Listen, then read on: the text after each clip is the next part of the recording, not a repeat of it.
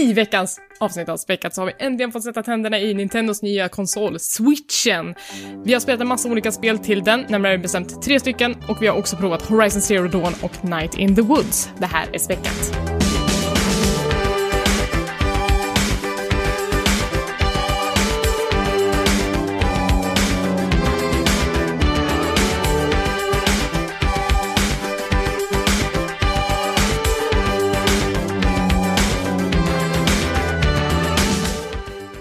Och välkomna till Späckat, en podcast om spel och allting runt omkring. Det här är det 24 avsnittet. Jag heter Elisabeth och med mig har jag som vanligt Tommy Hej! och Niklas. Hej hej. Hur är läget? Bra. Bara bra. Bra. Ja, Själv så himla pepp. Fan. jag är helt utmattad efter den här månaden som inte ens är slut än. Det är så mycket, börjat. men det är så mycket spel. Alla spel kommer nu. Vi hade ju Mm. först eh, Horizon som kom i slutet på februari. Sen så kom ju Switch. Eh, vi har ju Night in the Woods. Vi ska prata om de här spelen. Och sen så liksom framöver. så här, vi har inte spelat något av dem, vi har spelat Pokémon Go. Nej, jag bara tycker att det är så här, skitjobbigt fast jag inte har spelat dem. Nej men, och sen så kom ju nu Nier Automata om bara några dagar och sen så har vi ju Mass Effect som bara väntar runt hörnet. Så Ja, är- det, det är otroligt svettigt nu. Man brukar säga att man har så mycket på jobbet, ni vet en sån här månad man brukar ha på jobbet där det är bara så sjukt mycket som bara eh, rasar över en. Så känner Ja. jag just nu med spel. Att det känns som jag hade någon, någon kontroll typ när Night in the Woods släpptes. Men sen när jag klarade det så var jag så här, fuck! Vad är det som händer? Vad ska jag prioritera? Så, ja, jag vet inte. Ja, för jag, att, för att alla spelen verkar vara så himla bra, så man vill ju spela alla. Det är inte så att jag bara, nej det där är jag inte intresserad av, så jag kommer bara inte spela det, utan det är ju verkligen allting. Eh, Och alla spelen får ju otroligt bra betyg också, så det är ju inte så när man kan liksom prioritera bort heller. nej. Ghost Mm. Recon har vi också. Ja, lyxproblem Ja. kallas det för. Men det, vi- vilken tid att vara gamer. Ja. Absolut. Men det var ju länge sedan vi hördes sen sist, känns det som i alla fall. Mm. Vad, Saknat er. Ja, detsamma. Vad har ni haft för er? Tommy? Nej, jag har gått runt och jag saknar er så otroligt mycket. Jag har inte kunnat prata av mig med någon av er två, för ni har båda varit väldigt upptagna de här senaste två veckorna. Eh, så jag har gått runt och knutit den här eh, knytnäven i fickan sen Oscarsgalan gick av. Jag är så jävla provocerad av den där jävla Oscarsgalan. Jag tittade ju på den slaviskt när jag var lite yngre och tyckte det var spännande att sitta uppe på kvällen. Men sen kom jag på hur ytligt och, och vilka dåliga filmer de nominerar. I år var det förstås rätt så bra filmer som fick plats. Men det är mycket som händer där borta. Plus att man vaknar till ett sådär cyniskt eh, Twitter på morgonen. Vilket gör mig ännu mer irriterad. Senaste spektaklet var väl att, eh, eller det som stack mest i ögonen var väl folk som började grina att eh, Suicide Squad inte var förtjänat som bästa makeup. Har jag fel här? Nej, jag kanske inte... Jag, eh, jag, jag kan ha deltagit i den debatten, jag kan ha spridit det här budskapet genom Du drog igång retweets. drevet. Nej, det var inte Ja, jag. Det var inte jag. Jag retweetade någon annans drev. Ja, men det är rätt så många som har retweetat de där två bilderna. Det är, man väljer en skitful bild från Suicide Squad så väljer man En skitsnygg Typ- från Star Trek. Ja, som inte ens är så snygg. Jag måste förklara liksom vad grejen är med makeup. Alltså vad, vad det innebär. Alltså folk verkar inte förstå det. Det handlar ju inte om någon slags så här, eh, Rocky Horror Show-grej. Att du ska bara liksom sminka upp någon så mycket du kan. Grejen är problemet med Star Trek, varför inte jag skulle tycka att Star Trek är värdigt vinnare. Är väl för att när jag tittar på de här Star Trek-makeupen är att jag ser människor som har löjliga hjälmar på sig. Alltså det, det är inte rymdvarelser för mig, utan det är bara konstiga saker de har på huvudet. Det, det är otroligt skickligt hantverk, visst, men när jag ser både filmen och de där bilderna så tänker jag så här, ja, här har ju någon suttit med makeup i typ så här 40 timmar typ. Medan Suicide Squad, som kanske tog lite kortare tid att göra, så ser jag ändå på den här personen att det, det här är en elaking, det här är en god. Att det är väl det som är grejen med makeup eh, ändå, att du ska väl kunna kladda på någon och den ska kunna framstå som den typen av person.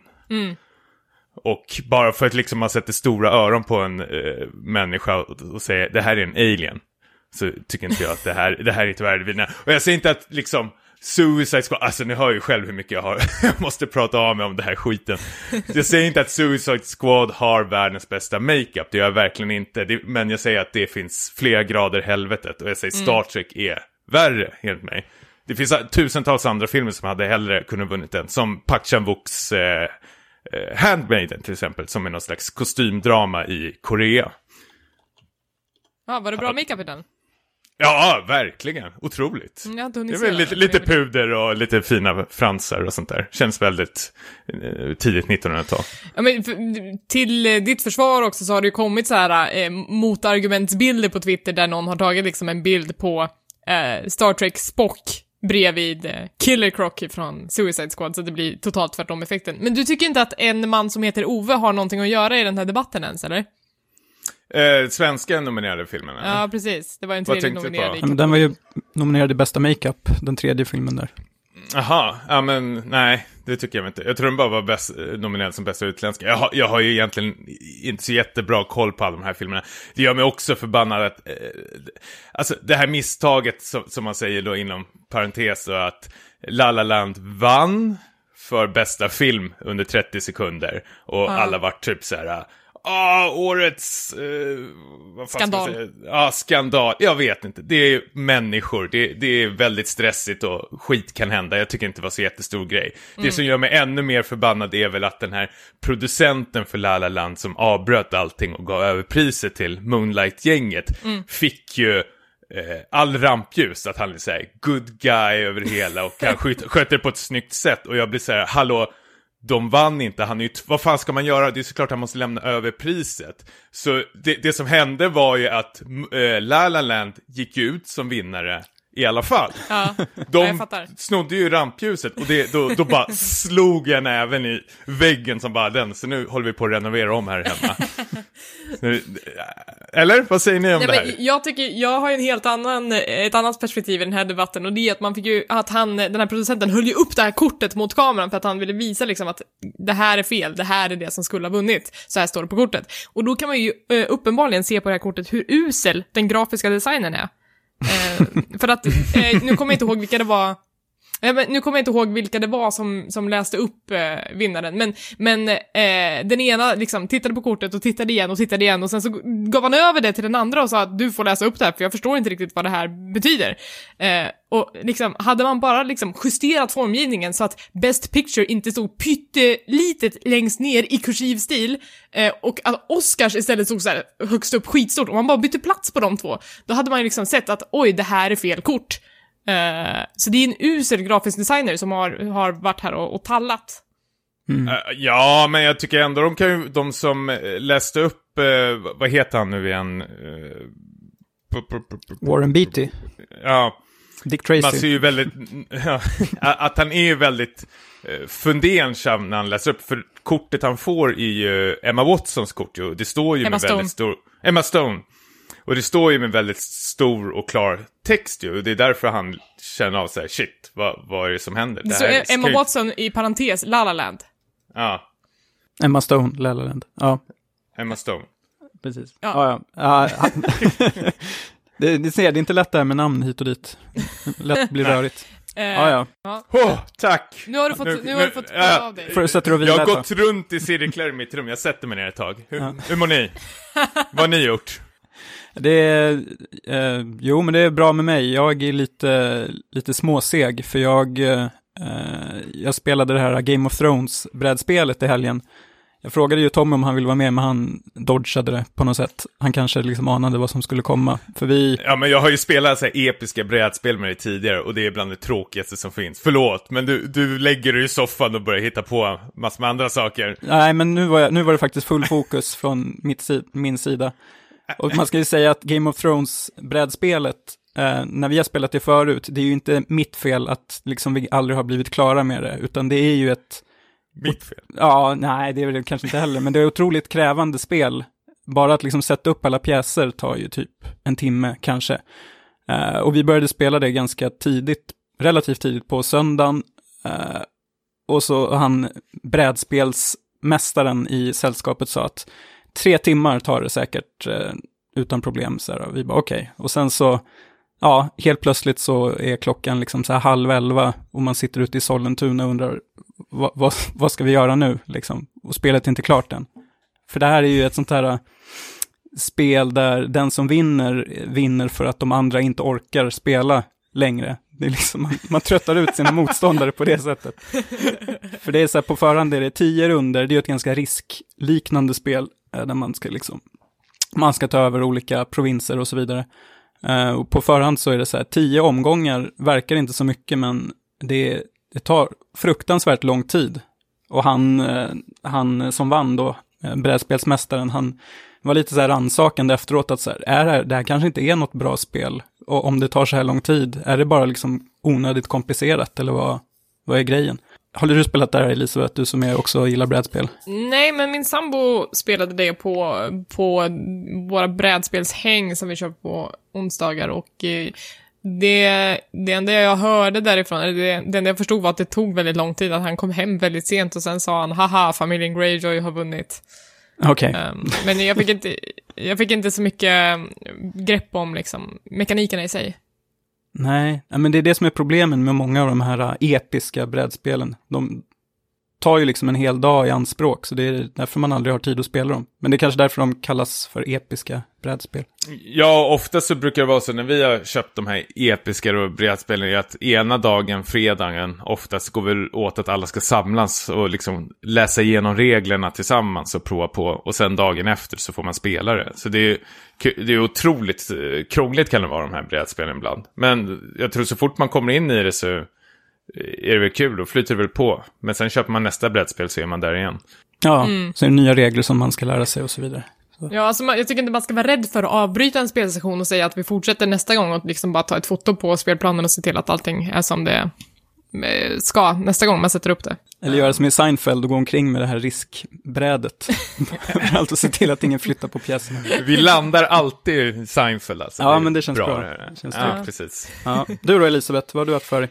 Ja, men jag har haft så uh, himla mycket för mig. Jag har liksom spelat alla de här spelen. Jag gick på midnattsreleasen av Nintendo Switch. Uh, jag har varit sjuk två gånger. Jag uh, har också åkt till London över en dag för att se mina gamla tonårshjältar X-Japan spela live i arenan bredvid Wembley stadion. Wow. Det var stort.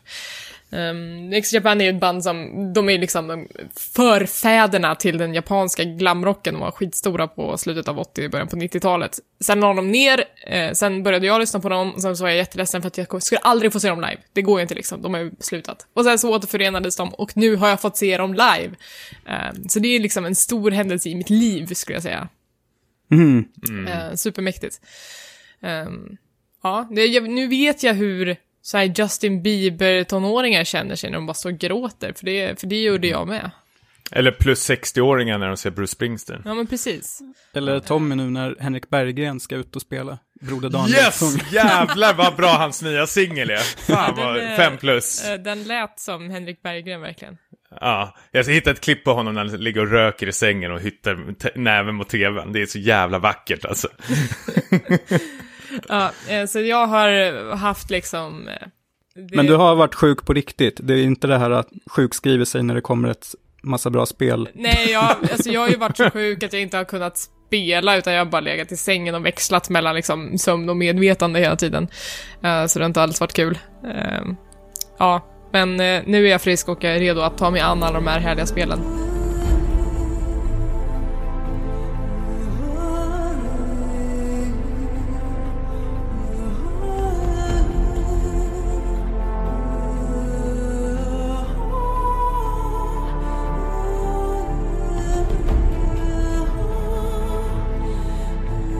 Hörni, vi börjar långt in i framtiden. Det känns väl som det enda rimliga vi kan göra. Uh, Zelda? Uh, nej, vi börjar ännu längre fram i framtiden. Jättelångt fram i framtiden, när det finns robotdinosaurier på jorden. Uh, nämligen så, den första mars så kom Horizon Zero Dawn till Europa. Och alla på mitt jobb vallfärdade till Mediamarkt och webbhallen för att köpa sig ett ex av det här spelet. Har ni spelat det? Vi har spelat. Mm, nej, jag har spelat en kvart kanske. Okej. Okay. Mm? Du var inte såld på det? Jo, eh, jo, verkligen. Men det är som det är just nu. Det, alltså, jag eh, satte mig med det i, igår och provade lite. Mm, Lite okej. snabbt bara. Jag fattar.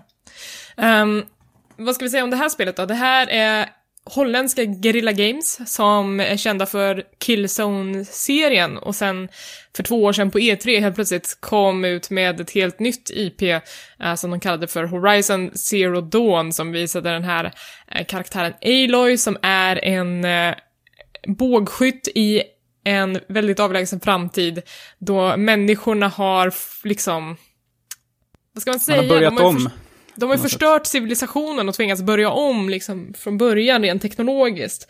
Eh, de har skapat olika stammar och de lever ett eh, liv utan teknik egentligen. Och eh, det såg väldigt lovande ut på, på de här mässorna när de visade trailers och allting och nu har det äntligen kommit. Du Elisabeth har varit otroligt peppa på det här. Det är nästan varje podcastavsnitt så har du tjatat om Jag det. bara, Horizon kommer bli så himla bra. Men jag var ju lite så här chockad när jag såg alla recensionerna dundra in för att det var så oerhört positivt. Eh, Men eh, sen så köpte jag det, jag satte tänderna i det och eh, ja, vad det är är väl egentligen ett klassiskt open world-spel, men det är så otroligt putsat.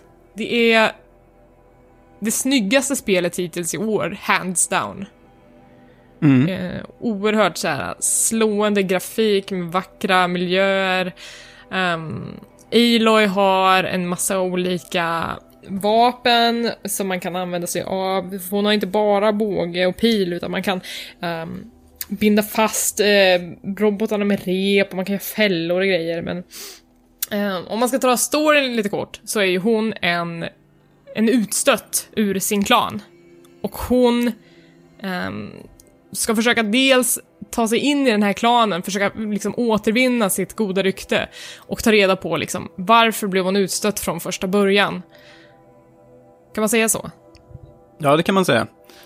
Och man kan väl säga att hon också, hon snubblar ju över lite den här äh, moderna tekniken som det bara finns liksom spillror kvar av. Det finns liksom så här, äh, inledningsvis i alla fall, mer så här underjordiska världar som då äh, skvallrar om den här gamla världen. Och folk pratar Mm. om the old ones och det var ju de som då äh, använde modern teknologi och äh, äh, det hintas väl om att det kanske var det som äh, fick världen att gå under, men det, Mm. det är ju inte uttalat vad det är som har hänt, utan det är väl något som eh, liksom nystas upp eh, i Just takt det. med att man går framåt.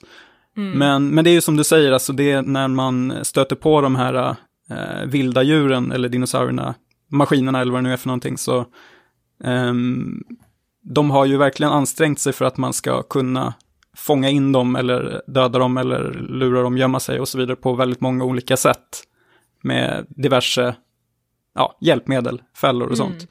Ehm, så det blir ju, det är väl det som jag tycker är nästan det starkaste med spelet, där det känns liksom unikt från alla de här eh, open world-influenserna. Och det är väl just när man träffar på de här eh, djuren och när man då smyger sig fram för att försöka fånga dem. För det känns verkligen klockrent i hur de har eh, ja, mappat kontrollen och allting. Det, kontrollen sitter verkligen perfekt.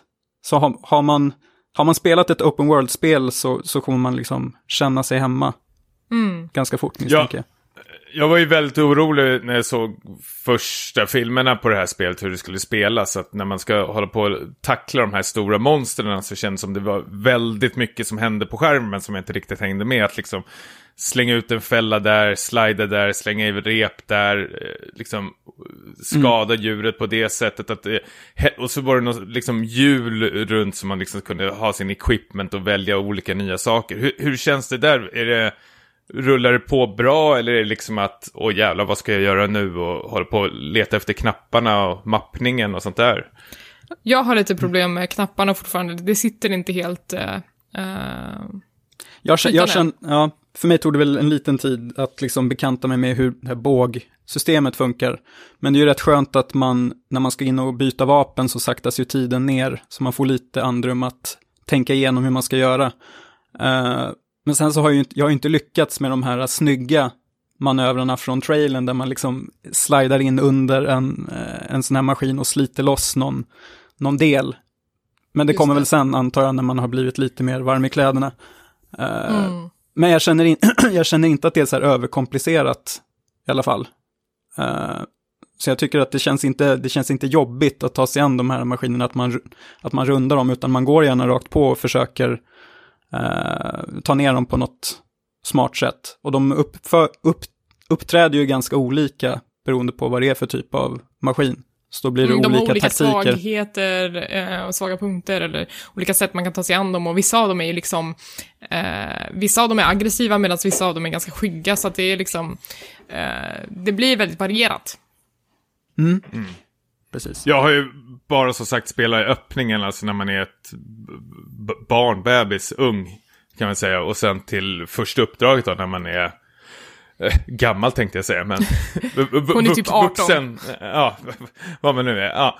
Men då, det första som jag tänkte på var precis när jag skulle kasta mig ut i den här stora världen, som är otroligt snyggt, precis som du säger Elisabeth, men att, vilket inte är ett problem för jag kom på att jag kunde lösa det, men det, det, det störde otroligt mycket på direkten, är att det är så sjukt mycket plotter runt skärmen. Alltså man är ju inramad med massor med mätare, ammo, eh, någon minikarta, så jag kommer inte ihåg riktigt vad som är längst ner till vänster, men det känns som liksom det är fullt av saker runt hela skärmen. Men då kom jag på sen efter ett tag att man kan gå in i menyn och sätta liksom hadden på dynamisk, vilket Mm. jag verkligen rekommenderar att när du väl använder någonting, till exempel vapen, det är då liksom de här menyerna kommer fram vid hörnen och sånt där. Mm. Och samma sak med hälsomätaren och sånt där. Så det, det är Eh. inget egentligen, jag, jag störde mig så otroligt mycket på det i början och det var väldigt skönt att de har löst det, att man kan ta bort allt det där skiten på skärmen faktiskt. Jag blev rekommenderad innan jag körde, alltså jag läste på Twitter att någon sa att sätt på Dynamics, så gjorde jag det på en gång, så jag har inte haft det här störa momentet för att jag liksom hade facit i hand. Eh, men ja, verkligen. Men det är ju någonting, eh, liksom de flesta av de här open world-spelen måste, ty tycker jag, borde apa efter faktiskt. Eh, för när man väl liksom bara springer runt och vill insupa den här naturen så vill man ju inte ha massor med skit runt om skärmen som man ändå inte ska använda just då faktiskt. Så det är ett stort plus tycker jag att man kan fixa till det där. Men, men ändå lite så här, när man läste recensionerna så, så var, ju, var det mycket lovord att det blev så mycket 9 av 10 och 4 av 5 och 4,5 av 5 och allt vad det var. Eh, och det var många som hädade liksom att nu har man liksom fräschat upp och förnyat open world-genren. Och nu ska inte jag säga att jag har kommit särskilt långt i det här spelet, för det har jag inte eh, på grund av liksom livet.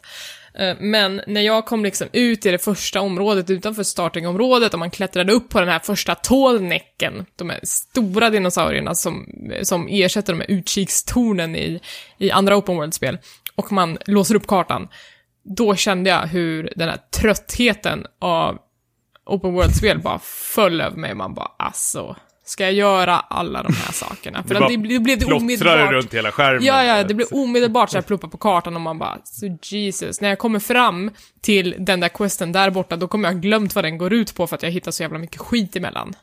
Ja, alltså jag eh, känner väl ungefär likadant. Och vi pratade ju om det för några avsnitt sedan, det här open world eh, trenden verkligen och att den kan vara ganska utmattande. Eh, för att eh, jag är också lite så här att jag, jag har lite glömt bort nu huvudnarrativet, vad det var för någonting, eftersom jag har sprungit runt kompletist som jag är och liksom försökt eh, finkamma första liksom, delen som man är i innan jag vill springa vidare. Och det är det som är lite farligt, för jag är ju väldigt, jag är ju imponerad nu här inledningsvis, i synnerhet av de här liksom maskinerna som strövar runt där. Men jag vet ju hur det brukar bli med de här open world-spelen, att vid något ti- tillfälle så, så tröttnar man ju lite, i alla fall Gå in i jag. väggen.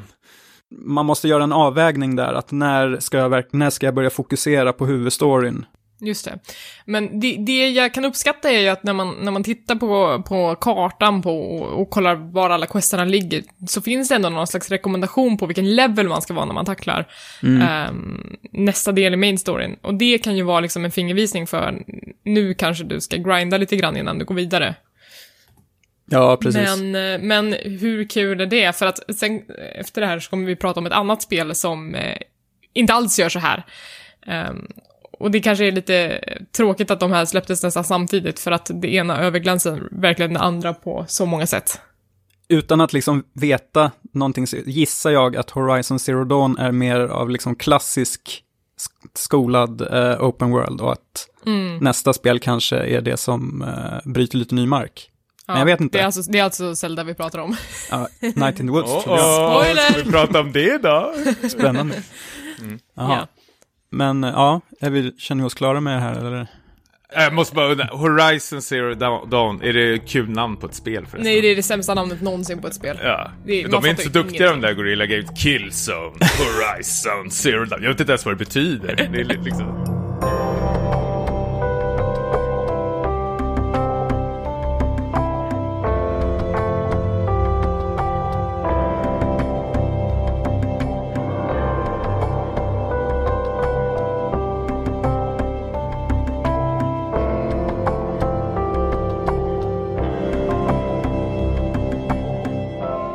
Men hörni, medan vi väntade på Horizon Zero Dawn så släpptes det också ett litet indiespel som jag vet att många har väntat på ganska länge, för det har väl varit kickstartat till och med. Tommy, du har väl varit en av dem som har väntat på den Jag fick jag den. Jajamän. Ett år hade du väntat, sa du, till oss. Ja men det här, det här har jag varit väldigt nyfiken på väldigt länge utan att veta någonting om det och sen särskilt de två, tre sista veckorna nu innan det släpptes så har jag verkligen hakat på det hype train kan man ju säga faktiskt. Eh, dels för att det är väl typ ett spel som faller mig eh, i smaken. Det här är ju någon slags eh, Oxenfree-liknande, alltså ett plattformsäventyr som eh, fokuserar 100% på narrativet faktiskt. Det är väl inget gameplay i det här spelet. Det är tanken i alla fall, vad jag trodde till första början. Men, men jag hade bara hört talas om det här spelet från en kompis och jag var inte så här superhype, men när det väl kom så kände jag bara att alltså, den här stilen, det här grafiska maneret som känns väldigt så här, eh, det är lite collageaktigt, det är lite klippdockeaktigt, eh, alla karaktärer, Öststatisk eh, tecknad tv från 70-talet skulle jag säga. till och med. Eh, alla karaktärer är, är djur, eh, fast antropomorfiska då. Och eh, ja, men det är ett härligt användande av färg, färg och form, tycker jag. Så att jag, eh, jag köpte faktiskt det här på eh, samma dag som det kom ut för att jag kände att jag ville ha någonting annat att spela efter alla japanska spel som jag har spelat. För att det är någonting med japanska spel. Det blir Och vilket too- japanskt år det har varit också. Ja, men det blir too much när man har kört så många på raken. Mm. Ehm, och då kände jag att jag vill ha något svårt och västerländskt omedelbart. Och sen fick jag Night in the Woods, vilket jag... eh, Det passade mig perfekt då. Du sökte vemodet och... Ja, det gjorde jag verkligen. Mm. Ehm, Och vad har vi här då Niklas? Vad, Ja, vad det... vad är det för spel? Ja, alltså det är ju... Eh, det handlar ju om den här unga kattflickan, eftersom det är ju djur som sagt då. Eh, May Borowski som, eh, som har hoppat av college, åker hem till sin eh, hemstad med svansen mellan benen, kan man väl säga, bokstavligt talat. Oj, oj, oj. Jag hade satt den. Eh, eh, och när hon då kommer hem så då börjar hon då försiktigt att försöka återknyta kontakten med sina, sin gamla kompiskrets. Eh, liksom de som blev kvar i den här småstaden då medan hon lämnade för att liksom gå vidare i sitt liv. Ehm, men då märker hon ju då att det, det är inte riktigt som det, som det en gång var. De har ju kanske gått vidare lite med, eh, med sina liv och så vidare. Och som det så ofta finns då i de här amerikanska småstäderna så är det något typ av mysterium som kanske ligger och lurar ute i skogarna som omger den här lilla stan. Något övernaturligt. Ehm, kan man väl säga. mm. Så det är lite något, något slags hipster Twin Peaks eh, med lite mysteriumspökerier. Ja, och det man gör i spelet är ju att man i princip vandrar runt i den här staden. Man, det finns ett antal platser man ska besöka och man kan besöka dem flera gånger om för det utspelar sig över ett visst antal dagar. Eh, man pratar med människorna i staden, eh, man umgås med sina vänner, ibland så låser det här upp olika minispel. Um, så att du, eller mig och hennes gamla kompisar har ett band tillsammans och då när eh, de bestämmer sig att fan let's get the band back together, då blir det liksom ett lite Guitar Hero rytmspel som man spelar. Supercharmigt, väldigt, väldigt enkelt och och eh, roligt, mysigt soundtrack. Eh, men det kan vara liksom andra grejer som att man går runt och liksom smashar eh, en bil med sin eh, anarkistiska rävkompis. Eh, Eller att man... Eh, eh, Och du snattar på gallerian. Ja, precis. Det är också ett Eh, minispel. Mycket så här små instick som eh, livar upp stämningen. Ja, eh, så att det, det blir ju inte så här superplatt gameplay hela tiden, utan det är, de mixar upp det med lite annat. Eh, Det finns också lite drömsekvenser med en hel del plattformande. Ehm, Så att det, man hinner inte riktigt eh, tröttna på att det är mycket eh, walking simulator och klicka på saker, utan det mixas upp ganska fräscht tycker jag. Eller vad tycker du Tommy? App, app, app, app, app, Oj, oj, oj, okej, app. ingen medhåll. Nej, nej, men jag, jag tycker faktiskt helt eh, tvärtom här att det, spelets svaghet, eller det som förstör spelet, är ju för första de här eh, minispelen eh, som introduceras slarvigt, måste jag väl säga nästan. Eh, som inte alls känns liksom roliga att ta sig an. Alltså det är ju oftast upprepning av samma grej. Jag vet inte hur många gånger jag har snattat saker för man måste göra det för ett vissa eh, liksom, sidouppdrag. Och det är liksom, det, det är inga svåra minispel vi tar igenom, utan det är mest liksom tidsfördriv som tar, ja, det, det känns som det pågår flera minuter. Och det upprepar liksom, alltså jag, jag, när jag spelar det här spelet, jag, jag vet inte om jag hade för höga förväntningar, men liksom det, det tar liksom två timmar för mig och sen blir det liksom, jag zonar ut rätt så snabbt. Alltså det känns som något slags måndag hela veckan. Och jag vet inte, det kanske är det som är lite tanken bakom det. Att den här livlösa staden, att ingenting förändras. Och de här karaktärerna man träffar på vardagen har inget intressant att säga. Om det är någon slags kritik mot den här småstadsidyllen eh, då, som finns i många amerikanska städer, kan många tycka kanske. Så alltså, jag vet inte, det här rockband-grejen som går in, det är också någonting jag bara blir så här irriterad på, för liksom, jag, jag tycker bara... Det, det, jag, jag, har- jag har inte kul med det, eh, känner jag alls, med de här småspelen. Eh, spelet gör mig först intresserad när den här liksom surrealistiska drömsekvensen eh, kommer in. Eh, jag vet inte, det är någon slags mardröm man har varje natt man går och lägger sig och då hakar jag på på direkten. Men sen upptäcker jag samma sak här att det är ju samma typer av drömmar varje kväll bara att liksom banan ser annorlunda ut. Du ska hitta de här musikanterna som tillsammans spelar någon slags sån här eh, ja, någon symfoni tillsammans och sen liksom slutar det på- med något jättekonstigt sätt och sen fortsätter dagen som vanligt. Och jag, jag känner jag, jag, jag, jag känner att de de vill säga så otroligt mycket men de får, de, de får mig liksom så ointresserad och jag kommer på mig själv att jag orkar bara spela en dag av det här spelet. Sen måste jag faktiskt stänga av det och sätta det på paus och sen liksom återkomma till det. För jag, jag märker att varje dag jag vaknar upp som den här karaktären och börjar prata med samma personer så har de inget nytt att säga. Det är mest liksom upp upprepningar känns det som. Det är någon som skriver liksom poesi och liksom det är jätte... Det, alltså det försöker vara något slags Wes Anderson möter Zach Braffs Garden State. Det här äh, lite, det, det, det ska vara så otroligt mycket sarkasm och ironi så det nästan blir övertydligt och tråkigt. Det, det känns inte smart om jag uttrycker det så. Uh, ja, alltså jag kan förstå vissa av klagomålen. Uh, jag håller med om att de här drömsekvenserna blir ganska, eh, de blir ganska upprepande. Däremot så, jag gillar ju den här eh, måndag hela veckan-känslan. Att man liksom har de här rutinerna som man själv skapar, att man vaknar varje morgon på samma sätt, man går och småpratar med sin mamma, man springer ut och träffar kompisar, kollar på tv med pappa på, på kvällen. Det är inte riktigt så, det, det känns, det känns ganska unikt för, för spel att eh, man, man driver omkring i den här staden.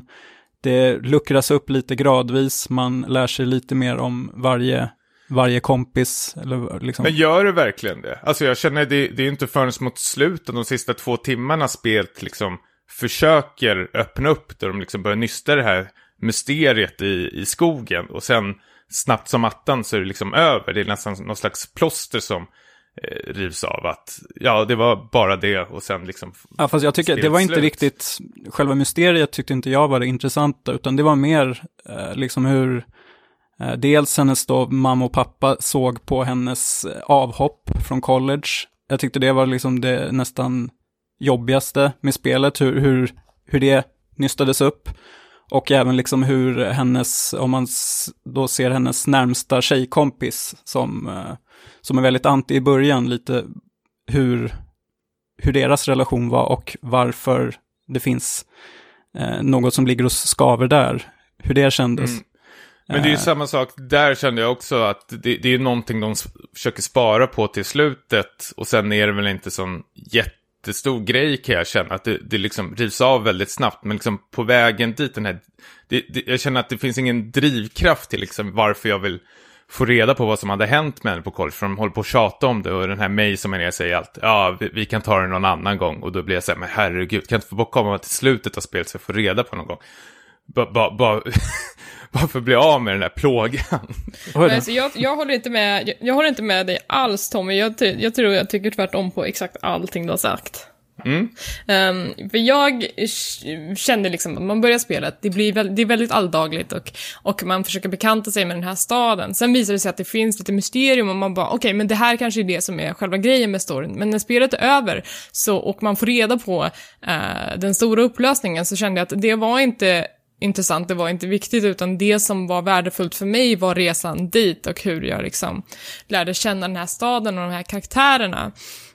Jag tycker inte alls att, att äh, spelet äh, och den här staden är en kritik av småstadsidyllen, snarare så tror jag att, eller för mig så blir det ett politiskt statement för att det här är en avfolkningsbygd. Det här är ju en, en stad där industrin har försvunnit, folk är utan jobb, de tvingas börja jobba på, på liksom stora megacorporation supermarkets istället för liksom det som, som staden är känd för och det de är stolta över. Eh, de har liksom inte ens mobiltäckning för att den här staden är så himla obetydlig. Um, och jag, jag, kan identifiera mig supermycket med mig om det här att man, man lämnar sin hemstad, man tror att man kommer liksom bli någonting för att man åker någon annanstans och sen så kommer man hem och inser att egentligen så har alla andra mognat mycket mer än vad jag har för att de liksom var tvungna att ta tag i livet mycket, mycket fortare medan jag lallade runt på college och sen så, och sen så liksom tycker de att mig är otacksam som hoppade av och kom hem. Um, det finns otroligt mycket som, som berör mig i det här spelet eftersom jag är i nästan exakt uh, den åldern som det här utspelar sig i. Och jag känner igen så himla många av de här situationerna. Alltså jag, kan, jag har ju inte varit i den här situationen. Det är väl om jag kommer hem till Hässelby och träffar Tommy där, han står och trampar. står och trampar och är förbannad. Nej, men eh, jag, jag, kände, jag tyckte ju det var intressantast det här med det som, eh, ja, avbefolkningstemat, om man säger då, det. För det, det är inte något som man ser så himla mycket av heller. Jag började tänka lite på Stardew Valley, det här med att eh, man lär känna de här invånarna och det är ganska deppig stämning på sina håll. Och det är verkligen big corporate som lurar runt, eh, runt hörnet. Eh, mm. Och jag vet att typ Unravel var inne lite och snuddade på samma, samma tematik. Men det här är mycket tydligare och mycket mer slagkraftigt tycker jag. Alltså mer genomgående i spelet, det här med att folk står och de jobbar på den här, eh, någon så här telekombolag och det är liksom, alla är bara jäkligt så här miserabla, känns det som. Mm. Övergivna byggnader etc. Så... Alltså när jag, när jag hör er prata om det så låter det hur bra som helst. Men det, det som faller på mig är ju hur, hur det liksom, replikskiftet mellan de här karaktärerna är ju så otroligt...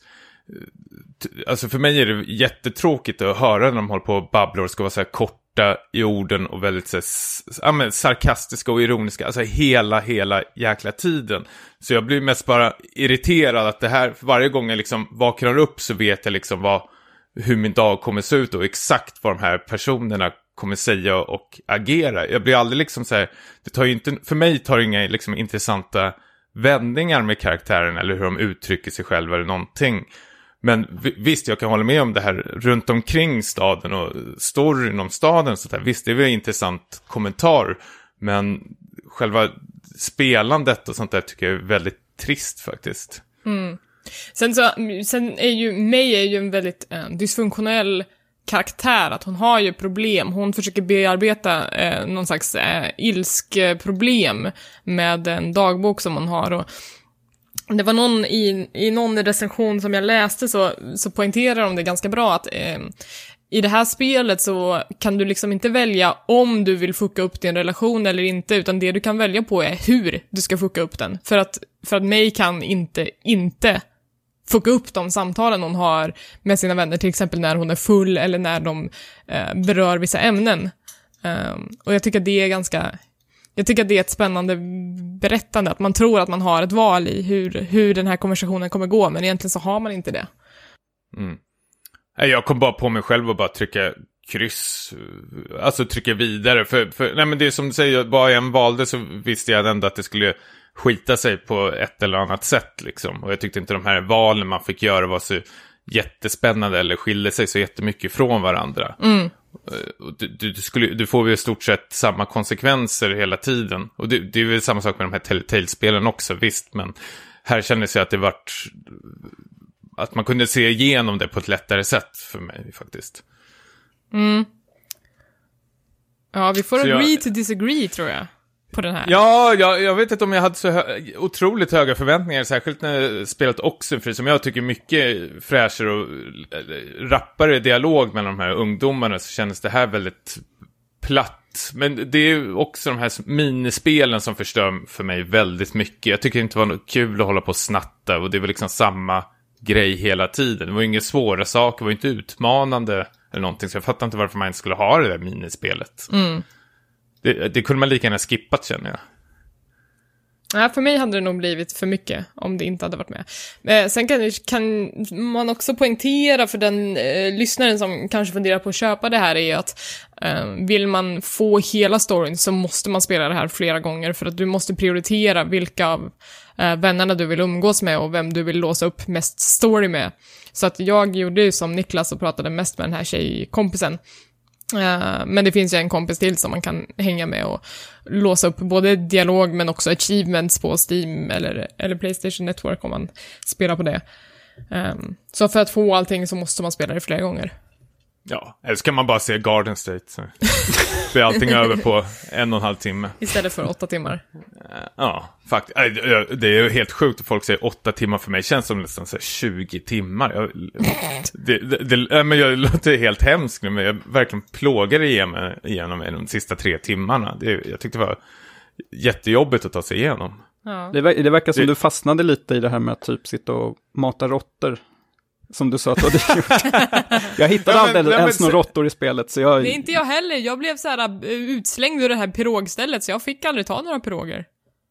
Ja, men senare i spel så kan du ju gå förbi där och... Men jag har ju försökt ta... Jag har försökt göra det, det hände ingenting. Nähä, men ja, så jag matade en så här, råttfamilj och födde upp dem. Och sen tänkte jag, ja, vad händer nu då? Ja, men då vart det fullt med råttor i stan typ. Alltså det, och Låter sen som en intresse- alltså, Wes det är väldigt mycket, ja precis.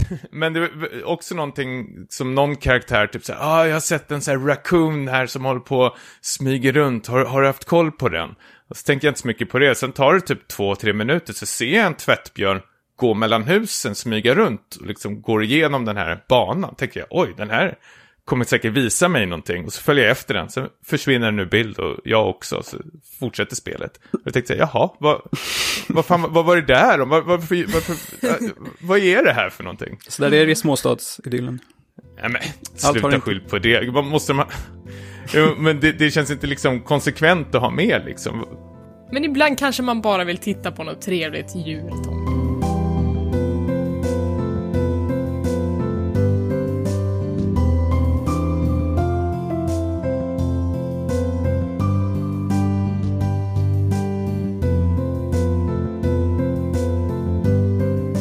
Vi vi kan ju inte ha den här podcasten utan att prata om det absolut största som har hänt den senaste veckan och det är ju att Nintendo Switch har landat i... Jaha. Ja, vad, vad tänkte du? Nej, jag fyllde år i förrgår så jag tänkte... Men gud, Det- jag har inte sagt grattis. Grattis Tommy! Han ljuger, han fyller inte alls år. Nej! Golar inga polare! Då tar jag tillbaka mitt grattis och sen kommer jag aldrig säga grattis till dig igen. I alla fall. Nintendo Switch kom. I hela världen eh, och eh, slog ner.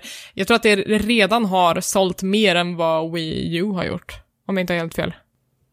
Jo, jo, men det har jag också hört. Eh, jag var på midnattsreleasen. Det var inte ni. Låg hemma och sov. Nej, ja, precis. Jag drog till webbhallen eh, typ klockan 11 på kvällen. De hade haft event där hela dagen på Fridhemsplan och eh, de hade bjudit dit cosplayers, de hade haft dit Pappas Pärlor som körde lite pärlplattor, de hade haft quiz. ehm, ja, så det hade varit liksom Nintendo-festligheter där hela dagen, men jag eh, kom dit när det började dra ihop sig till konsolsläpp. Eh, det, var, Trängde dig före kön, plockade inte Switch och åkte hem. det var ju en snubbe som hade köat i 16 dagar. Men Folk är ju helt tokiga. Eh, Ja, Mm. men, men den här killen är tydligen liksom, han gör det, det är liksom hans grej att han köar till saker, för att eh, personalen på webbhallen kände honom tydligen och var såhär, ja, han var här på GTA också liksom. Eh, Det känns som du har koll... vad Det känns som du har koll, koll på sånt här Elisabeth, men när man köar så där länge, hur funkar det med sin köplats när man måste liksom skita och sånt där? Skiter man i en hink. men jag tror Som att man de gett i hade webbhallen. liksom, Ja, du, du var van visst. Men de har ju liksom stolar som de ställer upp och sen så kan de ju gå ifrån sin plats, men, men det är ju deras Mm. plats liksom. De har en jättefin ja. toalett inne på webbhallen, den ser ut som ett eh, Super Mario-rör och sen så är det lava på golvet. Nej, men jag tänker på nätterna, liksom, mi- mina nattpink kanske inte skulle passa så bra i kön. Nej, alltså på jag- någons de tält. hade, ju, de hade ju frågat att de, om de fick sova utanför webbhallen, och de var alltså det här är inte ett bra kvarter att sova utomhus på liksom, för att det är, ja. Eh, det rör sig lite shady people där på nätterna, men de hade löst det där på något sätt. Något som de gjorde som var fint var att de hade satt upp en, en skylt vid sina köstolar där de har sagt att vi sitter här ute för att vi vill, men ni får gärna skänka pengar till de som eh, bor på gatan ofrivilligt. Och sen så hade de liksom ett swishnummer till Stockholms Stadsmission. Eh, Det tyckte jag var Det var fint. bra tyckte jag. Ja. Mm. Ett switchnummer tyckte du så. Nej, ja, switch friend Fem plus till Elisabeth, två plus till Niklas skämt. Ja. Eh, nej men så de... Eh, eh, den eh, snubben som var först, han fick ju såklart köpa sin switch först. Eh, så han fick var den, eh, han fick liksom utbetalning för det, sin lilla uppoffring som han har gjort. Eh, sen så lanserade de konsolen, jag köpte den och sen så gick jag hem och installerade den och sen så testade jag så allting funkade och sen så somnade jag och sen så började jag spela dagen efter. Sen blev du sjuk. Sen blev jag sjuk. Nej, inte riktigt då, men, eh, men sen. Eh, och det... Och vad var det första du tänkte på när du öppnade det? Nu vill jag höra allting. Okej. Eh, det första jag tänkte på när jag öppnade den var att den var mindre än vad jag hade tänkt, den här handhållna konsolen. Positivt eller negativt? Eh, positivt, tyckte jag. Eh, Mm. Den kändes väldigt high-end. Eh, och nu snackar jag fortfarande den, den handhållna, inte liksom konsoldockan. Eh, alltså det kändes liksom som att öppna en, en Apple-produkt lite grann. Det kändes, den kändes eh, nice. Ehm, Exklusiv. Sen så, ja men precis, men sen så när man började liksom sätta upp den här dockan, man började klicka i de här joyconsen i, i det här grippet så, så att de blir som en handkontroll, den som ser ut som en gullig hund. Eh, då började det kännas lite mer plastigt och lite mindre high-end faktiskt. Ehm, och då blir det som att man, man föredrar nästan den handhållna upplevelsen bara för att det känns som att det är en dyr och schysst sak man har i händerna. um, men, eh, alltså, starta igång konsolen, inga problem. Synka kontrollerna, inga problem. Jag tyckte att det var väldigt imponerande hur sömlöst den går från eh, de olika kontrolllägena, så att du kan antingen ha dina joycons eh, fast på själva konsolen, eller så klickar du loss dem och sen så kan du bara ha dem i varsin hand och spela så, eller så klickar du i dem i eh, det här grippet och spela så. Eh, samma sak med att liksom köra från handhållet och till att sätta ner konsolen i dockan eh, går så jävla smidigt. Allting funkar verkligen som det ska. Um, och det känns som att... um, ja men ni vet hur det var när man hade Wii och man skulle hålla på och synka Wiimotes och skit. Man blev så jävla arg och trött. Um, det finns inte kvar längre och det gillar jag. Men hur, eh, eller jag har ju också provat den här maskinen lite som hastigast. Men hur känns, tycker du joyconsen känns när man har dem enskilt i varsin hand? Ehm, jag har ju Spelar de ganska... trådlöst då? Ja, men precis. Jag, jag har ju ganska små och nätta händer, så att jag tyckte att det är helt okej. Man kommer ju åt de där sido L och R-knapparna kanske lite ofrivilligt. eh, någon gång. Men eh, inte så att det har varit störande för min del. Men eh, sen så vet jag att det finns folk med större händer än jag som tycker att de är superklumpiga att ha att göra med. Ja, här har du Korfings-Tommy. Riktig jävla sausage. För jag kände, jag, jag gillar idén så fort jag liksom drog ur dem där och då, då spelar jag med eh, den här lilla skärmen då på bordet vill jag ju prova med såklart. och det, det är ju en otrolig wow-upplevelse faktiskt, kände jag på direkten. Att säga, shit, det här skulle jag kunna tänka mig liksom. Om jag är på resande fot eller något liknande. Ta med det här och sitta och spela lite trådlöst. Men det är någonting med vänster styrspak, alltså den vänstra joyconen så ska man komma ner åt knapparna som sitter under. Man får ju inte liksom ett grepp. Eh, Alltså när tummen ska flytta sig ner, förstår du? För om man håller i en liksom, horisontell kontroll med båda händerna så blir det ju mycket lättare att byta liksom, handtag för att komma åt knapparna som sitter under eh, analoga spaken. Ja, Men nu blir det liksom att man måste liksom jag köra någon slags tvåmannagrepp eller något liknande över det där. Och sen är det ju det här att hålla den liksom, de här joyconsen till horisontellt läge då, då och spela det som liksom, vad är det, Nintendo 8-bitars kontroll Så att det blir att man kan dela på så att en spelare har den ena och den andra Ja. den andra. Och jag känner att knapparna är lite, jag får lite 3DS, eh, lite mer PS Vita-känsla, att de inte känns, det, det är inte liksom skönt motstånd i dem, om man säger så. Vi, vad tänker du på nu? väldigt- är stycken eller knapparna eller? Eh, knapparna. Ah, Okej, mm. Att det inte, eh, jag, jag vill ha lite mer tryck i Mm. dem känns som. Att det, det känns som man verkligen trycker på en knapp. Nu får Ja. jag den här PS Vita. Det är lite plastigt känsla, Ja, om man ja, säger så faktiskt. Mm. Så jag, ja, det jag undrar är, kommer det komma någon Switch Plus? New Switch Plus? Det som, är, Eh. det som är bra är ju att joyconsen är ju den absolut enklaste delen att byta ut. Mm. Eh, Så det kanske kommer uppgraderingar på bara den innan det kommer en, en ny switch. Skulle jag kunna tänka mig. Um, Har du, så- varit, har du varit med om sådana här synkningsproblem som jag har sett lite Nej. här och var? Nej, ing, jag har inte varit med om det och de som jag, jag känner som har köpt en Switch har inte varit med om det hittills. Så, så att det är ju vissa konsoler som tydligen har varit superdefekta. Att, eh, den vänstra joyconen har allvarliga synkningsfel och Nintendos tips för hur man ska eh, motverka det är, är inte super eh, djupa, utan det är så här, Spela och vara glad. Fel på dig. Nej men ha inte din switch nära ett akvarium, man bara va? så, ehm, men eh, det enda som jag har stört mig lite grann på, det är dels det här att när man, när man eh, hakar loss de här joyconsen så kan man sätta på eh, grepp eh, på de här gängorna så att du inte liksom skär in i fingrarna och så att de här eh, L och R-knapparna blir mer tillgängliga. Eh, om man sätter i dem på fel sätt, vilket är superenkelt, då fastnar de där. Och de är fakt. jättejobbiga att ta loss. Det, det finns på YouTube nå- någon så här instruktion på hur man ska göra för att ta bort dem på rätt sätt. Eh, men Vilken designmiss. ja, så Det är ju- otrolig designmiss. Det finns eh, små, små ikoner som, på de här greppen som man ska para ihop mot de här plus och minussymbolerna som är på joyconsen. Men, Precis men, som batterier nästan. när folk Ja, men precis. ner. Men det är ju så himla lätt att missa.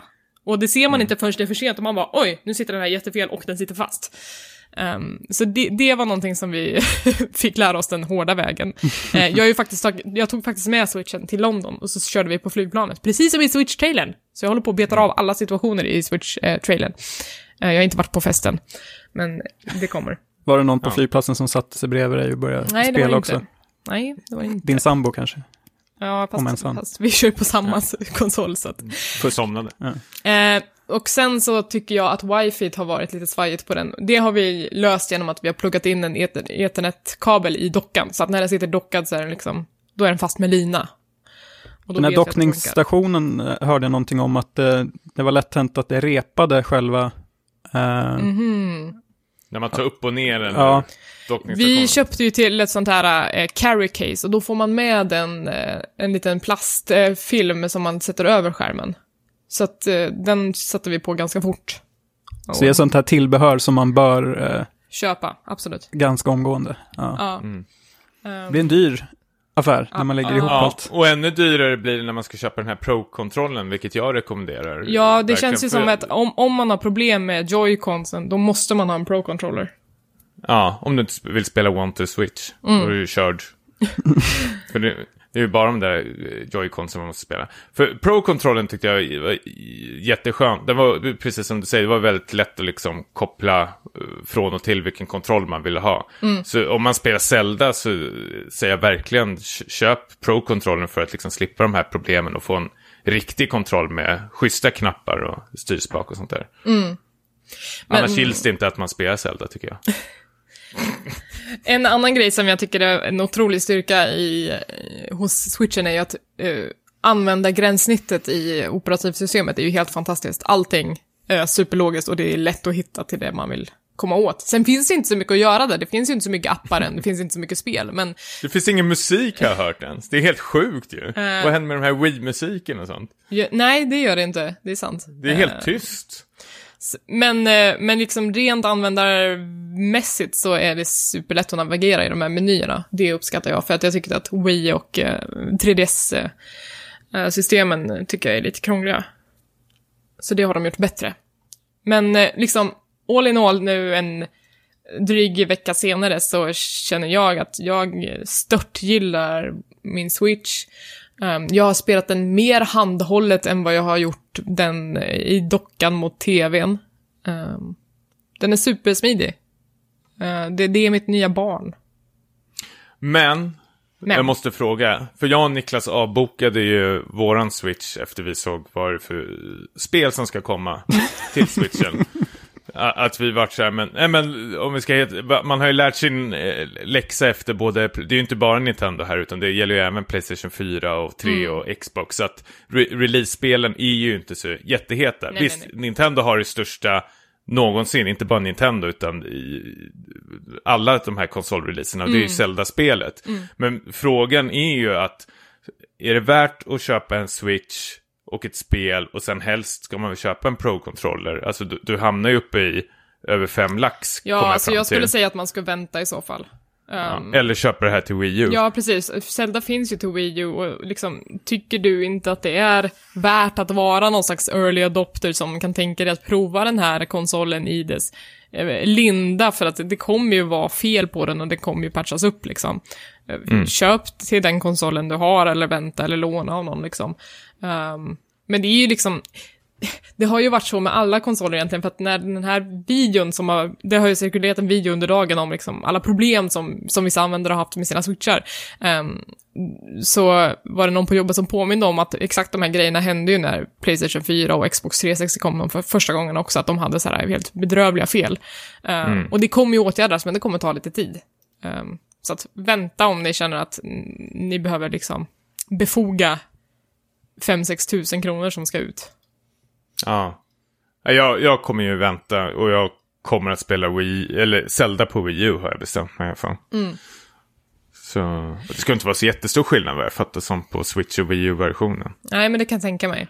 Uh, jag provade några andra spel också som uh, inte var Zelda. Uh, jag och min sambo, när vi reste så spelade vi Snipper Clips.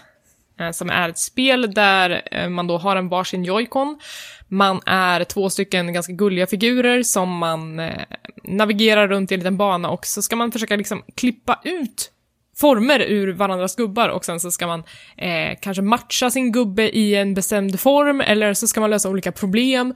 Um, det var ett supergulligt minispel som, som funkar liksom bra på två personer. Väldigt såhär mm. pusselaktigt. Uh, så det kostade typ såhär 200 spänn uh, och är liksom en lanseringstitel. Jag fattar inte varför inte One to Switch kostar inte heller Eller hur? Alltså det är så här 500 kronor för det där. nu har jag inte spelat One to Switch men det jag ju sett ser ju inte så här 500 kronor kul Nej, jag tror inte det heller. Um, sen så har jag också laddat hem, jag har inte hunnit spela så mycket, um, rytmspelet Voez. Um, jag vet inte hur man säger det. Men det är ett koreansk, nej taiwanesiskt rytmspel som har funnits till eh, eh, iOS och Android tidigare. Eh, och nu har det kommit till Switch och det är liksom bara så här tryck på pluppar på skärmen eh, i takt till musiken och sen så låser man upp lite story, det är väldigt snygga så anime-illustrationer i det här spelet. Och sen så finns det väl någon story där i, men jag har inte kommit så långt än. Um, så det är liksom också ett mysigt spel, också 200 spänn. Um, och det är också det första spelet som är exklusivt för handhållet läge. Du kan inte köra det dockat till tvn. Det var det här som Tommy oh, oh, förutspådde. Just det, vänta, vänta, nu måste vi pausa här lite. Mm. Berätta Niklas, vad är det som har hänt? Ja, vi hade ju någon typ av eh, vadslagning eller vad man säger för eh, några avsnitt sedan där vi, eh, Tommy kom med tio påståenden om Nintendo Switch och vi alla skulle försöka liksom beräkna hur troligt det var att de slog in. Eh, innan året är slut. Innan året är slut.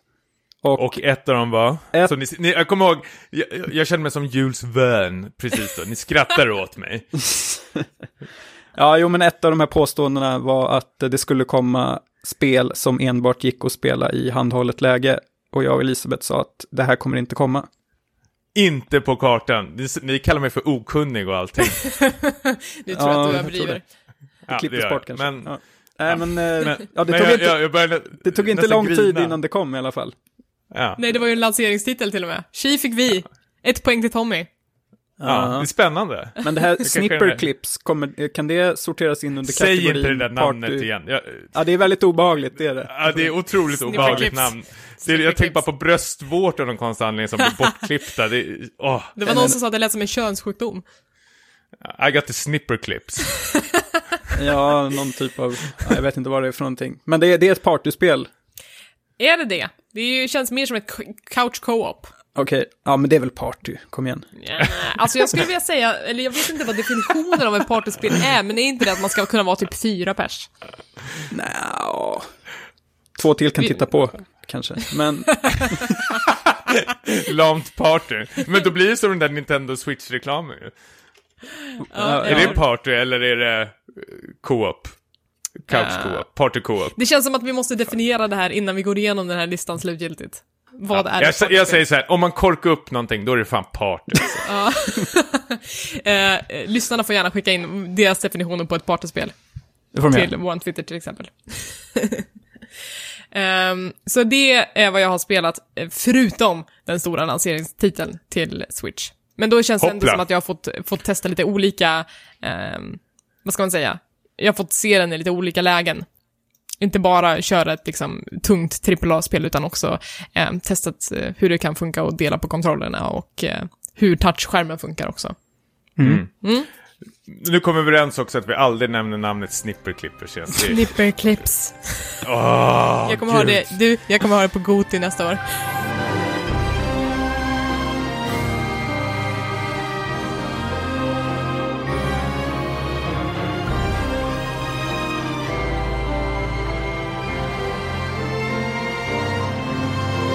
Zelda. Breath of the Mm. Wild. Åh, Oj, vilken reaktion. Mm, Du har spelat peppad. det här. en, ja, definiera spela. Du har provat det. Ja, jag provar det väldigt snabbt faktiskt, så jag, jag, min åsikt räknas med inte. Första intryck har jag verkligen. Okej, är men vad... enda. Men börja du gärna. Okej. Eh, The Legend of Zelda Breath of the Wild är alltså då det senaste, ehm, den senaste stora Zelda-titeln och eh, det här spelet har en väldigt annan approach till Zelda som koncept. Alltså vi har ju lärt oss de senaste åren vad ett Zelda-spel är, att det är ganska linjärt, du ska samla x antal stenar eller whatever MacGuffins du kan komma på. Eh, och det gör man genom att gå in i olika grottor som du ska lösa pussel i och sen så ska du besegra en boss. Um, rinse and repeat. Alltså vi kan ju den här Zelda-formen och hur liksom man hittar olika vapen som låser upp nya delar av kartan, bla bla bla bla bla. Eh, I Zelda Breath of the Wild, så liksom, jag tycker att de har slagit omkull på hela det här. Att vi måste, vi måste lära oss från början hur man spelar det här spelet, för man, man kan inte längre förlita sig på Zelda-vanan längre. Och det tycker jag känns otroligt fräscht. Ehm, det här spelet börjar med att Link, eh, som då är hjälten, vaknar i en grotta. Han har liksom hållits vid liv i någon slags, eh, någon slags maskin. Kryptosömn. Ja, men precis. Eh, Och han går ut ur den här grottan. Man får ingen kontext, men man hör en liten röst i sitt huvud som säger att hej, du måste hjälpa mig. Och det kan man ju gissa sig till att det är förmodligen prinsessan Zelda som vanligt. Eh, och sen så liksom lämnas man vind för våg i den här världen och eh, får väldigt få eh, pekpinnar över vad man ska göra liksom. Och det första jag tänkte när jag började spela det här var att det här känns mycket som det första, första Zelda-spelet. Du går in i den här grottan, det står en man där och säger “It's dangerous to go alone, take this”. Och sen är det liksom bara, kör. Mm. Håller du med Cirkeln Tommy? är sluten. Nej, jag bara eh, blir förbannad på mig själv att jag sa kryptosömn. Det betyder ju ingenting. Vad Nej. fan heter det? Kryosömn. Ja, tack. jag vet inte var jag fick det ifrån, en jävla kryptonit som är... eh, nej men det, det jag överraskas mest över är väl, eller överraskas, jag har ju sett hur det ser ut, men jag tycker den här nya grafiska stilen som de har liksom piffat upp det, det känns ju någon slags Studio Ghibli film utav, alltså det är otroligt vackert att eh, titta på. Och när jag tittar på de här trailersen också när man sprungit runt i den här världen så har jag känt att eh, herregud, det finns ju fan ingenting här. De bara rider runt och det bara liksom, eh, vad är det, bara gräs överallt. Men när jag väl spelar det så stämmer det in också. Det finns inte så jättemycket runt omkring en, utan det tar en bit att ta sig till något ställe. Men jag tycker ändå det är en sån otroligt eh, tillfredsställande och skön natur eh, som jag rör mig runt. Så det, det, gör faktiskt inte så jättemycket. Man hinner liksom insupa den här eh, grafiska stilen och omgivningen runt omkring en. Det känns väldigt spännande eh, av någon konstig anledning. Eh, om jag jämför med Witcher 3 som också har någon slags öppen och väldigt grönsk värld eller liknande så känns det väldigt trist alltihop. Om jag får säga så. Witcher 3 hatar det här, hej. Men eh, jag vet inte, jag, jag, som sagt, jag bara spelat tio minuter, en kvart, men det är verkligen en intrig där jag faktiskt. Det är väl mm. lite konstigt att man inte kan mappa om sina kontroller. Jag tycker det är konstigt att man, är det på X man hoppar eller ja, någonting sånt där. Ja. Ett, ett, det är väl, jag kan väl ifrågasätta lite om så här kontrollmappningen och sånt där som jag fick, tyckte var, var lite konstigt. Det är kanske något man vänjer sig med. Ja, du är inte ensam om det. Nej, det är möjligt. Men jag, är, jag är så otroligt peppad på att verkligen ta tag i det här spelet mm. Eh, så snart som möjligt och börja spela i det. Jag tyckte, tycker det känns otroligt intressant och fräscht faktiskt för att vara ett Zelda-spel. Mm. Um, alltså det här, det här första området som man kommer till, som är lite av tutorialområdet, där stöter du på en man som säger att uh, vi befinner oss på en ganska hög uh, platå just nu. Och du kan inte komma ifrån den här om du inte har den här häftiga lilla paragliden som jag har. Uh, och då måste man ta sig till fyra olika shrines på den här platån och eh, ta tillbaka looten därifrån till den här mannen så att han ger dig sin paraglider. Och det är liksom de enda riktlinjerna man får riktigt till en början. Men när man väl mm. kommer ner därifrån, då är det liksom fritt fram. Um... Men hur fungerar det? För vad, vad jag fattar jag har ju knappt sett någonting från den här. Jag har hållit mig väldigt så här... Jag vill, jag vill, inte titta på någonting från det här spelet efter det har släppts. För jag vill verkligen spela det själv. Men jag, mm. jag måste ändå veta, eller nyfiken frågar det ska väl vara lite side missions och sånt där uh, i mm. det här mm. spelet. Hur, vad, vad är det som händer då? Blir de uppmarkerade på kartan? Blir det liksom plottrigt att liksom hit ska du för tackla det här uppdraget? Oh. För när jag kollade i menyn samtidigt så såg jag att det stod så här main mission kunde man få fram. Och då antar jag att det finns så här side quests och Tommy. sånt där, att man får upp någon... Tommy. Ja? Mm? Kartan.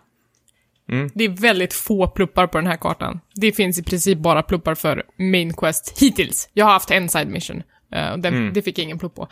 Men det som är fint uh, är att Zelda har ju uh, traditionella open world-torn.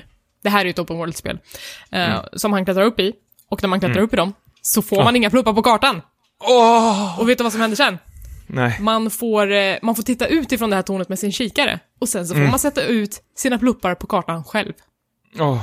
Man bara, det där ser intressant ut, jag sätter en plupp mm. där. Oh. Och då, då, det blir liksom en helt annan grej av det. Man, man styr ju själv över liksom hur utmattande det här spelet ska vara.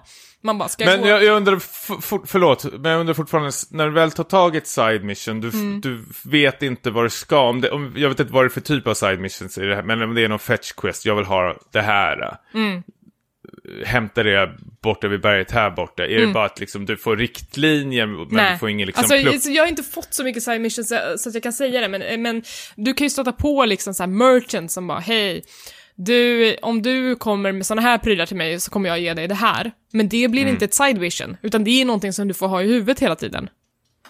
Okay. Eh, så att liksom, man gynnas av att nästan ha en anteckningsbok bredvid sig så att man kommer ihåg alla sakerna som man vill göra. Det finns till exempel en Korok som Eh, du kan samla ihop olika kår och frön som gömmer sig i, i den här världen. Folk säger att det finns liksom över 900 stycken. Du, och du hittar dem genom att lösa olika små pussel i, i eh, omgivningen. Superbra, charmiga pussel som känns liksom kul att jaga efter. Um, men, men det blir ju liksom aldrig ett mission, utan du kommer ihåg att okej, okay, om jag levererar de här fröna till den här kåroken, då kommer jag få utökat utrymme i min ryggsäck. Mm. Um, så det är liksom bara saker som man, man får ha i åtanke när man tar sig runt i världen och plockar upp saker och man bara shit, det här är bra att ha liksom. Um, men jag har inte haft några ordentliga fetch quests på det Okej, sättet än. och det är inget som dyker upp så här att du hittade en av 25? Nej, nej, nej, nej, nej, nej, nej. Mm, ja. Nej, nej, nej. Spännande, Ehm, kul.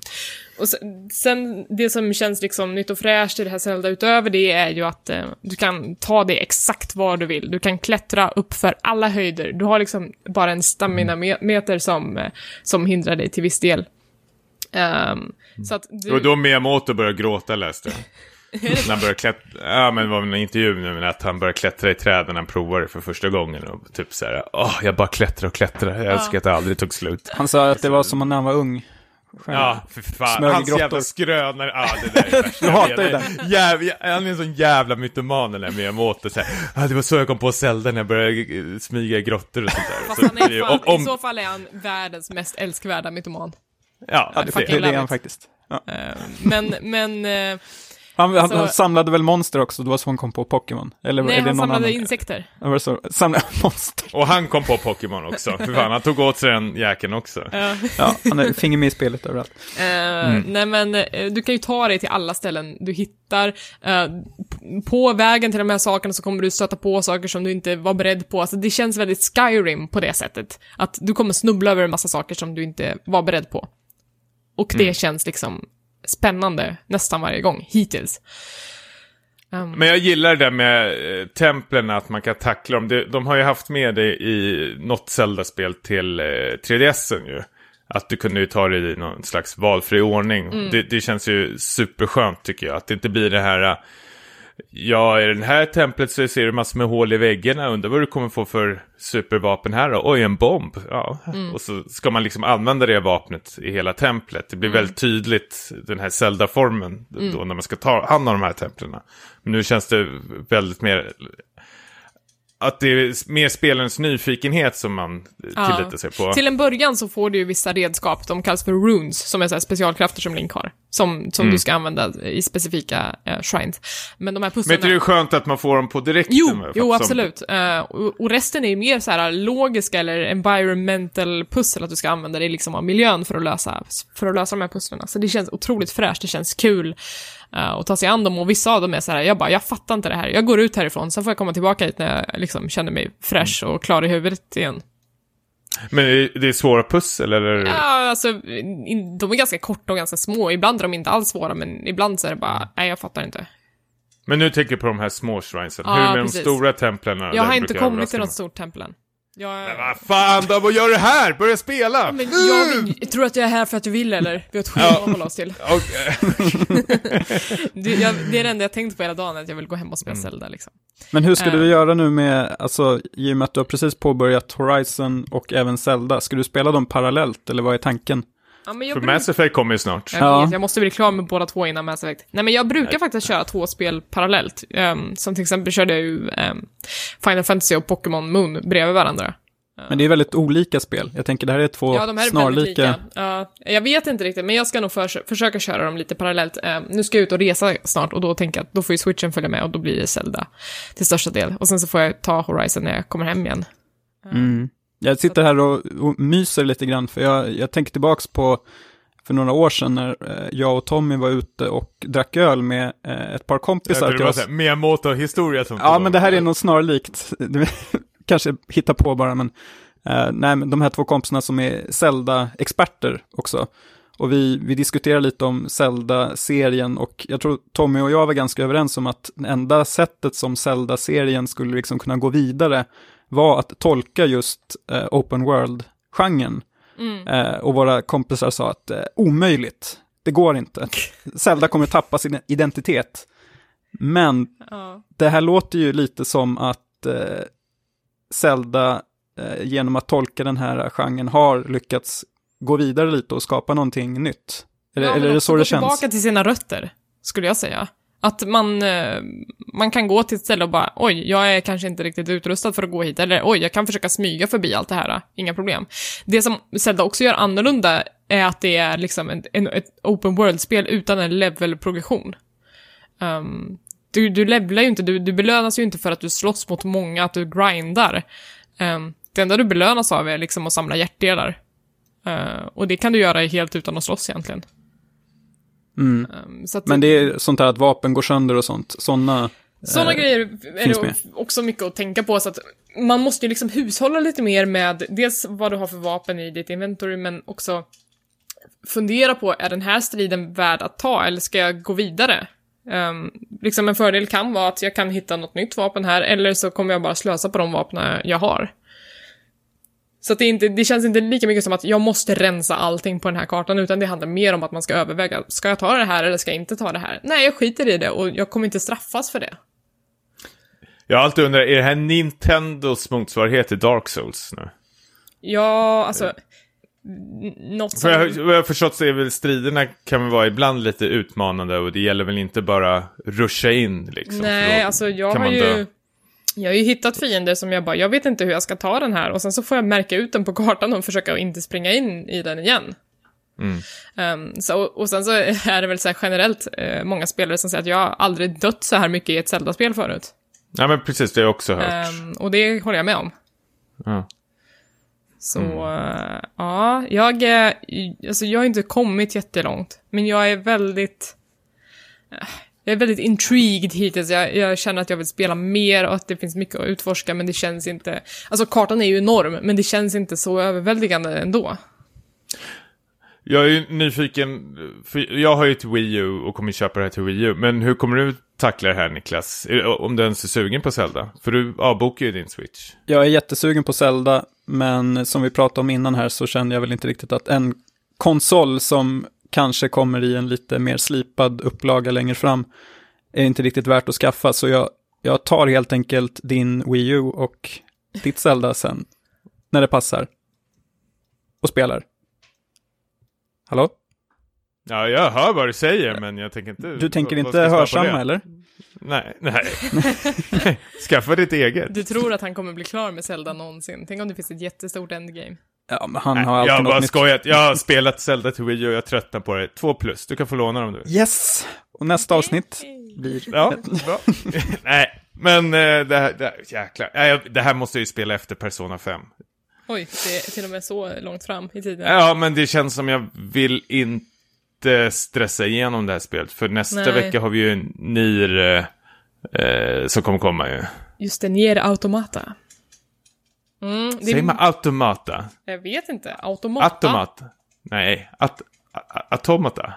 Oj, många bud nu. Jag vet inte, jag säger automata. Atmata, atmata.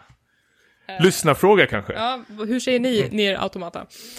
Ehm, nej men eh, jag, eh, jag gillar det här nya Zelda. Sen så kanske inte jag håller med tusen gånger om alla de här recensionerna som är så här 10 av 10, alltid 10 av 10. Eh, för att det känns som att det är många som som sätter det här betyget enbart på grund av nostalgi och säger att ah, det här är det bästa Zelda någonsin. Ja, men det är ett bra spel. För mig återstår det att se.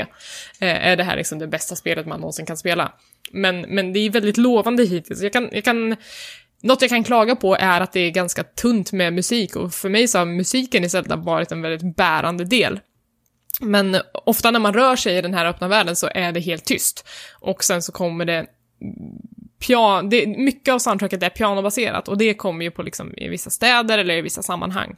Eh, men jag tycker att det är tunt. Eh, så det är, är väl liksom den enda grejen som jag kan störa mig lite på. Det, det känns inte Zelda. För mig är Zelda liksom den här fantastiska musiken. Nyfiken fråga, vad, vad är era bästa Zelda-spel? Uh, A Link to the Past för min del. Uh, tätt följt av Ocarina of Time. Jag tror att det här är en eh, så här, generationsfråga. Alltså beroende Ja, på vilket, vilket man växte upp med så tycker man att det spelet är bäst. Eh, så jag måste ju säga Ocarina of Time, för att jag är i den generationen. Ja. Själv då Tommy? Twilight Princess. Skyward Sword. Ja, Fan. det är det. Mm. Nej, A Link to the Past är det. Det är ju det. det är, ja, mycket vemod i det. Ja, jag har inte Åh. spelat det. Jag skulle gärna vilja göra det någon gång. Ja. Mm. Bäst musik i det också. Men eh, vem vet, om en månad kanske alla säger Breath of the Wild. Mm, jag hoppas det. Ja, Det är kul. vore kul faktiskt. faktiskt. Hörni, är det här allt Mm. vi har för idag? Det tror jag. Ja, Nej, jag klarar nio. Vill ni höra om det? ja det kan du få säga. Nej, nej, jag Nej, skojar bara. Det är allt för idag. Jag klarar nio. Jag är bäst. Okej, är du stolt? Ja, för fan. Hur lång tid tog det? Det... Eh, det vet jag inte, men när jag tittar senast, jag börjat spela New Game Plus nu, så jag har väl 86 timmar har jag spelat på det. Jesus. Ja, Ja, så bra jag är alldeles svettig. ja verkligen. Min fru också. Efter allt skrik från men- vardagsrummet. Men du har inte någon sån där sista bossen-inspelning som du hade från Dark Souls 3? Nej, jag visste inte det var sista bossen jag slogs mot, så nu... Ja, det var lite, jaha. Ja, verkligen. Jaha. Ja, ehm, men hörni, vad kommer vi tackla i nästa avsnitt? Blir det då Nier Automata som är den stora grejen? Atmata. Automa automata. Hur skulle engelsmännen sagt det? Eller? Automata. Ny- Automata. Automata. Ehm, jag ska faktiskt imorgon bitti åka till Boston och jag ska jobba på spelmässan PAX East. Vi vill höra mycket Casey och Ben Affleck eh, anekdoter. Nej, men, jag, jag bryr mig inte om dem. Gud vad jag inte bryr mig om dem. Eh, men jag kommer ju liksom stå där på mässgolvet och visa upp lite av uh, Starbreeze kommande spel. Eh, sen får vi se om jag har någon tid att gå runt själv, men jag hoppas att jag kan ta med mig liksom lite intryck därifrån till nästa avsnitt av Späckat. Mm.